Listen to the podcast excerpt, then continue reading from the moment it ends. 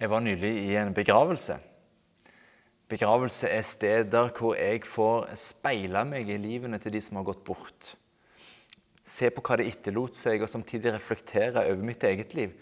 Hva avtrykk vil jeg sette i denne verden? Hva verdier vil jeg skal prege meg?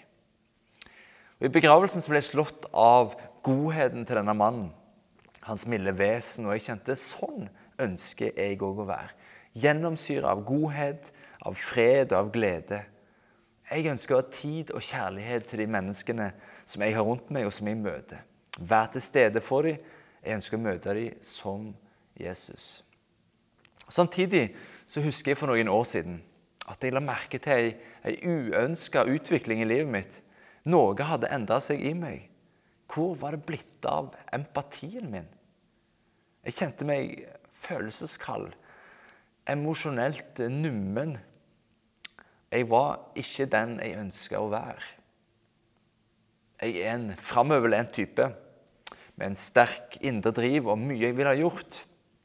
Jeg kan presse inn bare litt til i dagen eller livet mitt for å få unna noe. Jeg ønsker å være effektiv. Jeg kan slite ut meg sjøl, og jeg kan også stresse opp de som er rundt meg, fordi tempoet mitt er høyt. Jeg vil mye. Og tempo og dårlig tid, lite tid, det går dårlig overens med kjærlighet. Med fred, med det å være til stede overfor et annet menneske. Se den andre, bry seg, ha tid. Tempo går dårlig overens med en del verdier som jeg vil skal prege livet mitt. Empati, omsorg, fred, nærvær. Fordi kjærlighet tar tid. I denne taleserien Stille så ser vi på hva det er som gjør oss så hastige, så flyktige, så urolige og slitne. Og det er ikke bare meg som har kjent på mangel på empati og på en følelsesmessig nummenhet. Så mange i vårt samfunn vil ha symptomer på det som psykologer vil kalle for hastesjuke. Du blir irritabel altfor lett over små ting, særlig overfor de aller nærmeste. Hypersensitivitet det skal lite eller ingenting til å såre følelsene dine og, og ødelegge dagen din. Rastløshet. Når du faktisk prøver å roe deg ned, så får du ikke til fordi hodet ditt spinner. Kroppen går. Arbeidsnarkomani eller det å jobbe, arbeide med noe hele veien. Aktivitet hele veien. Du klarer ikke å stoppe. Du bare må gjøre litt til, og på slutten av dagen så er du så utslitt at du ikke, ingen, at du ikke har noe igjen til de aller nærmeste og de som betyr mest i livet ditt. Emosjonell nummenhet. Empati overfor andre blir fraværende. Du klarer ikke å føle andres smerte. Feil prioriteringer. Du blir sugd inn i det som haster, istedenfor det som er viktig. Du klarer ikke å Du, du lever reaktivt, du lever bakpå istedenfor å leve proaktivt, i kontroll over tida og dagen. Og du glemmer fort å ta vare på kroppen din. Du får ikke nok søvn eller god nok søvn. Du har ikke tid til daglig trim eller til å lage sunn mat, og du blir lett syk. Fluktatferd det er også en av disse symptomene på hastesjuka. Det er det vi gjør når vi er for trøtte til å gjøre det som er livgivende for oss. Og i stedet flykte inn i vår favorittdistraksjon.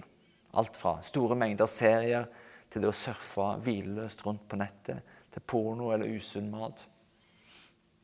Åndelige vaner glipper fort. Bibellesing, bønn, smågrupper, gudstjenesten De tingene som virkelig gir liv, er de du gjerne først gir slipp på. Heller enn at det er de første tingene du går til når du trenger det. Og isolasjon. Så mange mennesker føler seg isolert, kobla av fra Gud, fra andre mennesker og fra seg sjøl. Jeg vet ikke om du kjenner det igjen i noen av disse symptomene. Jeg gjør iallfall det noen tider mer enn andre. Men det er dessverre blitt den nye normalen i vår vestlige verden. John Ortberg han var pastor i den suksessrike megamenigheten Willow Creek på 90-tallet. Tempoet var høyt i jobben, i menigheten, i familien. Og han kjente at det preget han negativt, på en måte han ikke ønska. Så han ringer sin, eh, sin, mentor Dallas Willard og så spør han, hva må jeg gjøre for å, få, for å holde meg åndelig sunn. Og etter en lang pause så svarer Willard du må kvitte deg med all travelhet i livet ditt. OK, sier Ortberg, Ja, det er notert. Hva mer? Lang pause. Nei, det er ikke noe mer. Det er det du må gjøre. Du må kvitte deg med all travelhet fra livet ditt. Og Mange vil være enige med Willard og si at travelhet er vårt åndelige livs største fiende. Men ikke bare vårt åndelige liv, også vår kropp. Fordi travelheten setter seg i kroppen som smerte. Og den preger vår syke. Den preger hele livet vårt. Jesus sier at målet vi skal sikte på med livet, det er å elske Gud og vår neste av hele vårt hjerte, av hele vår sjel og all vår kraft. Men kjærlighet og hastverk det går ikke så godt sammen. Det er som olje og vann. I 1. Korinterbrev 13 så skriver Paulus at kjærligheten er tålmodig. Den har altså tid. Den har tid til å vente. Fordi det er som regel når jeg er travel, at jeg blir hissig over småting. Det er da jeg ikke ser den andre eller svarer halvveis, samtidig som jeg tekster noen på telefonen. Som gjør at den andre ikke føler seg verdifull, ikke føler seg sett, ikke føler seg elska. er kjærlighet og hastverk går dårlig sammen. Kan det være at den onde rett og slett prøver å holde oss travle, stressa, oppkava, lite tilstedeværende? Og på den måten får oss til å bomme på, livene, på målet med livene våre. Og at vi står i fare for å haste gjennom livet istedenfor å virkelig leve det. Jesus er vår redningsmann. Han er sendt ifra himmelen for å befri oss, også ut av det hamsterhjulet som vi befinner oss i, og som spinner bare fortere og fortere. Han tilbyr oss en vei ut. Kom til meg, alle dere som strever og bærer tungt, og jeg vil gi dere hvile. Ta mitt åk på dere og lær av meg, så skal du finne hvile for sjela di. For mitt åk er godt, og min byrde er lett, sier han. Lær av meg. Ja, det er det vi prøver å gjøre i denne taleserien. Stille. For det å følge Jesus det handler ikke først og fremst om å gi sin tilslutning til hans lære. Men det handler om å modellere hans liv. Leve på en sånn måte som han ville ha levd om han var meg nå på dette stedet. Her. Så vi ser på Jesus. Hvordan levde han? Hva praksiser levde han ut som vil hjelpe oss med å roe ned livet og gjøre det stille inni oss? Og Sist uke så, så vi at Jesus han trakk seg tilbake igjen og var stille og var alene. Og I dag så skal vi se på Jesu praksis med å vandre rolig gjennom livet. Jesus tok det rolig. Og Hvis du skulle beskrevet Jesus med ett ord, hva hadde du sagt da? Frelser, sterk, vis, kjærlig, mild, inkluderende. Jeg vet ikke. Nevnte Dallas Willard. Han sa avslappa, relaxed. Ja, Jesus hadde stort ansvar. Han hadde mye å gjøre. Han hadde mange behov å fylle. Det var mange mennesker å betjene. Så mye viktig. Han skulle jo bokstavelig talt frelse verden. Men han hadde det aldri travelt. Han var til stede. Han var nærværende. Han hadde tid. Derfor prøver vi òg, når vi vil modellere Jesus, å roe ned sinnet, kroppen ja, hele oss, ned til Jesu tempo. Fordi Jesus inviterer oss til å gå i åk eller i tospann sammen med han, hvor han er den store, sterke sjefsoksa, og vi får være hans lærlinger som går side ved side med han. Det blir tungt om vi springer foran han. Det blir også veldig tungt om vi drar vår egen vei og drar ut til sida. Vi må lære å gå i hans rytme, i hans rolige, avslappa tempo sammen med han gjennom livet. I Johannes evangeliet kapittel 11 så leser vi om en av hans nærmeste venner, Lasarus. Han er syk og ligger for døden. Jesus er deres eneste håp, og de sender bud på han om, få, om han må komme. Og I vers 6 så leser vi at da Jesus hadde fått høre at Lasarus var syk, ble han enda to dager der han var. relativt relaxed, kan en si. Og når Jesus kom fram til Lasarus, så hadde Lasarus allerede ligget i grava i fire dager. Og Kanskje vet du hvordan historien ender. Jesus vekker Lasarus til liv igjen og gir han et nytt liv. Poenget er at Jesus var avslappa. En annen historie er om synagogeforstanderen Jairus, som hadde ei datter som var syk og lå for døden. Og Han får hente Jesus for å få hjelp.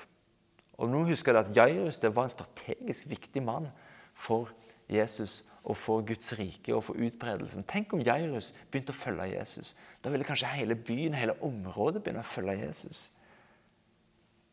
Og På vei hjem til Jairus for å hjelpe denne syke datteren hans, så stopper Jesus allikevel opp og lar seg avlede fordi ei dame med blødninger tok på kappen hans og blir helbreda.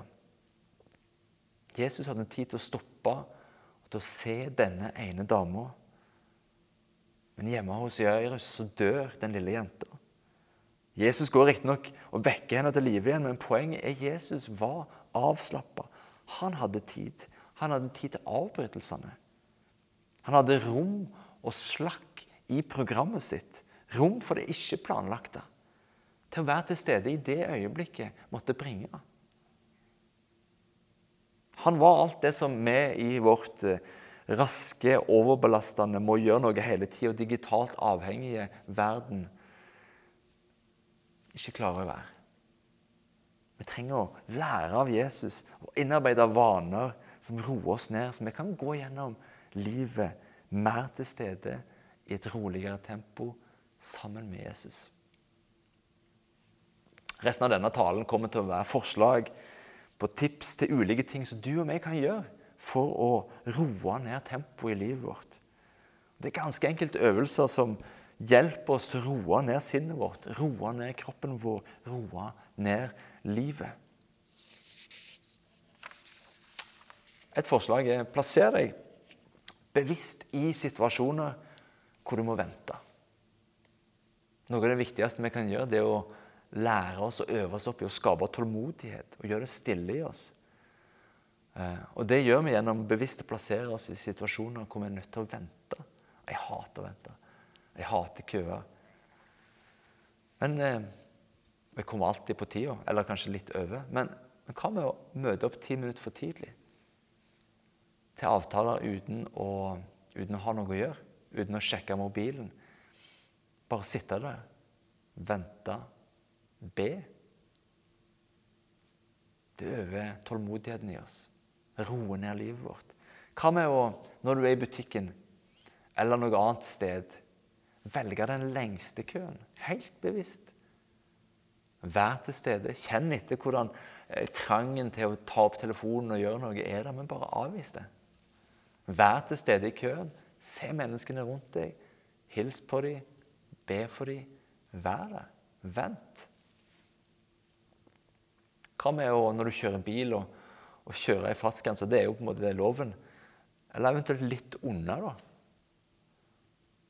Eller hvis du blir liggende bak en bil som kjører veldig seint, og du kjenner en trang til å kjøre forbi, prøv å bare innordne deg i hans tempo og ligge der og være avslappa. Benytt anledningen til å roe ned. En annen ting som vi kan gjøre, det er å gå å gå rolig. Veldig mange mennesker går, men de går ganske fort. Men hva med å gå rolig? Kan du gå til jobb? Kan du gå til båten? Kan du gå istedenfor å kjøre? Jeg har så vidt begynt med dette. Ehm, det handler noe om å flytte seg fra én verden, som er hjemmeverden, til en annen verden, som er jobbverden. Det kan være fint å bruke litt tid på det. Hjernen har godt av litt omstilling. La inntrykkene fange deg opp. Be for ting og mennesker som du går forbi. La tankene flyge. Hvis du skal på butikken bare noen få ærend, kan man gå til butikken istedenfor å kjøre. Hvis du skal opp på idrettslaget, kan man gå dit. Når du skal i kirka, kan man gå dit. Det å gå og tvinge fram et roligere tempo i kroppen vår, men også da i livet vårt og i sjelen vår. Det er en av de beste måtene å roe ned hele livet. Det er å roe ned hvordan vi beveger oss. Og Mange av oss går på fjellet og mange av oss går på fjellet for å trimme. Men kan å bare gå på fjellet for å, for å gå? Uten å ta bilder og uten å registrere det på Strava.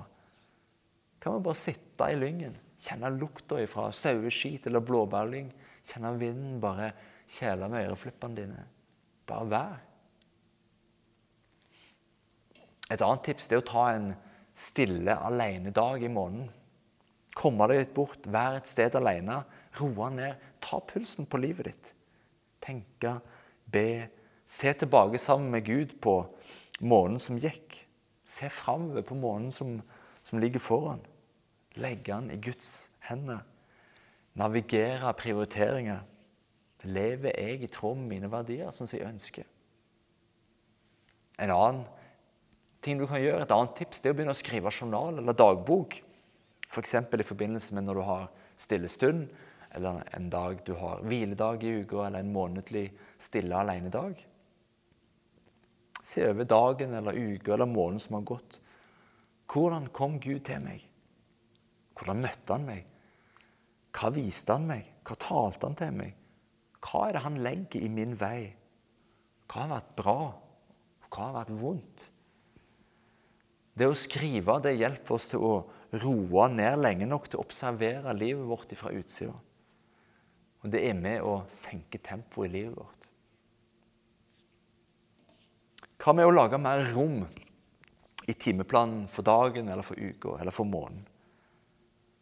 Med å sette inn tidspunkt hvor det står ingenting, altså bokstavelig talt? Når dette tidspunktet kommer, så gjør du selvfølgelig ingenting. Hva med å prøve å føre et tidsregnskap over hver uke? På slutten av uka se som, om det er en aktivitet som du kan kutte ut for å gi mer rom og mer slakk i livet ditt. Det kan være TV eller sosiale medier eller komitémøter eller surfing eller på finn.no eller hva som helst. Med å sette ei tidsgrense for underholdningsinntrykk? Det er ikke noe galt i å se på underholdning, men, men om du bruker veldig mye tid på det, hva med å begrense det noe mer? Bestem deg for hvor mye tid skal jeg bruke til å se på TV eller på serier eller på sport. En annen ting vi kan gjøre, det er å gjøre den smarte telefonen vår litt mindre smart. Det handler om å forenkle telefonen, så den ikke blir en herre som skal ha din oppmerksomhet hele tida, og som du og meg må adlyde. Men i stedet blir det et verktøy som hjelper oss til å leve et bedre liv. Kan vi flytte noen av funksjonene over på andre plattformer som ikke alltid er tilgjengelig overalt? Det kan være f.eks. å ta bort e-posten fra telefonen din. I alle fall jobb-e-posten. Kan ikke det egentlig være på PC-en og bare der? Du kan også flytte sosiale medier fra telefonen over på nettbrett eller PC. Det går an, kanskje litt radikalt, men hvis det stjeler mye av tida di, og stresser deg opp, så kan det være en, del, en idé å ikke gjøre det så tilgjengelig for deg. Fordi sosiale medier det kan være et, et svart hull som bare suger tida vår. Vi kan også ha faste tidspunkter på dagen hvor vi sjekker sosiale medier eller sjekker e-post, f.eks. etter middag. Og at vi kan sette av en tidsavgrensning på, som vi skal bruke på det. Si en halvtime. En annen ting kan være å slå av alle lyder, alle varsler på telefonen. Alle sånne newsfeeds og nyhetsoppdateringer. Hvorfor trenger VG eller TV 2 hele veien å fòre meg med store og små, betydningsfulle og mindre betydningsfulle nyheter som fyller denne verden? Bare for at jeg skal klikke på det og se på det. Trenger ikke det. Jeg kan heller velge å sjekke nyhetene én til to ganger til dagen, eller se nyhetene på TV når de går. Og Så kan du spørre deg sjøl ja, når jeg har kjøpt meg en flott og dyr telefon, hvorfor skal jeg ikke bruke den og benytte den som han kan? Vel, om telefonen din tar for mye av livet ditt, så kan den, og det kan være lurt, å sette grenser for den. For å skape rom for noe annet. Det å se opp fra telefonen og på et annet menneske. Det å se opp fra telefonen og på Gud Det å se opp ifra telefonen og på det flotte skaperverket som han har gitt oss. Et annet tips kan være å la telefonen vår få sove. 75% av oss sover med telefonen ved siden av oss. Og 90% av oss sjekker telefonen umiddelbart etter at vi våkner. Og Da setter telefonen og alt det den er fylt av, den setter tonen for dagen vår. Og ønsker vi det? Eller ønsker vi heller å la tid i Guds nærhet få sette tonen for dagen? Akkurat sånn som foreldre legger ungene sine en stund før de legger seg sjøl, og at de står opp en stund før ungene står opp om morgenen, så kan også vi være foreldre for telefonen vår. Legge den en god stund før vi legger oss sjøl, og ikke la den stå opp igjen før etter vi har stått opp en stund. Det kan være å legge den klokka ni, klokka halv ti. Legge den vekk, slå av lyden, legge den i en skuff. La den ligge der ute av syne, ute av sinn, fram til morgenen etter. Helst etter du har vært alene sammen med Gud. All forskning sier at vi bør legge bort telefonen alt fra en halvtime til en og en halv time før vi legger oss. For å roe ned, for å sove bedre, men også for å hvile i Gud. Nevrobiologien vil fortelle oss at de to viktigste tidspunktene på dagen for det å skape nye nevroner i hjernen, det er det som skaper de kreative prosessene i oss, gir oss fantasi, visjon, klarhet, visdom, kjærlighet og omsorg. De to viktigste tidspunktene det er rett før vi legger oss, og det er idet vi våkner. Hva skal sinnet ditt være opptatt av? Hva skal de kreative prosessene være opptatt av? Dette er gode tidspunkt på dagen for å gi vår oppmerksomhet til Guds kjærlighet. Til å lytte til Åndens stemme, til å fylle vårt sinn med Guds ords sannhet.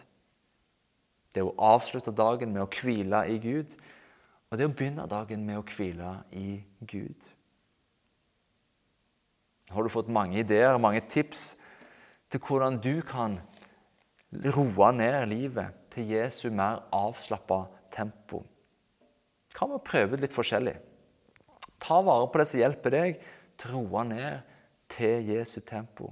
Til å leve med hans lette åk og erfare hans liv og hans overflod som han vil gi inn i livet vårt. Prøv det, og hold fast på det som hjelper deg. Til slutt. I Lukas kapittel 10, vers 38-42 så leser vi om Jesus at han kom på besøk til Martha og Maria. Hvor Martha er travelt opptatt med alt som må stelles i stand. Og Hun ble sur på sin søster Maria, som bare bokstavelig talt satte seg ned ved Jesu føtter. Hun ble også irritert på Jesus, som ikke irettesetter Maria for å ikke hjelpe henne. Det er da Jesus sier til Martha, 'Martha, Martha, du gjør deg strev og uro med mange ting.' Men ett er nødvendig, og Maria, hun har valgt den gode del. Ikke du. Så kan også vi gjøre oss strev og uro med veldig mange ting, men det er ett som er nødvendig. Det å roe ned, det å sette seg ned, være nær Jesus. Vær til stede med Jesus i vår hverdag. La oss be sammen. Herre, takk for at ditt åk er godt og din byrde lett. Hjelp oss å roe ned livet, så vi kan få følge din rytme og vandre gjennom livet sammen med deg. Kom, Hellige Ånd, fyll oss med din fred.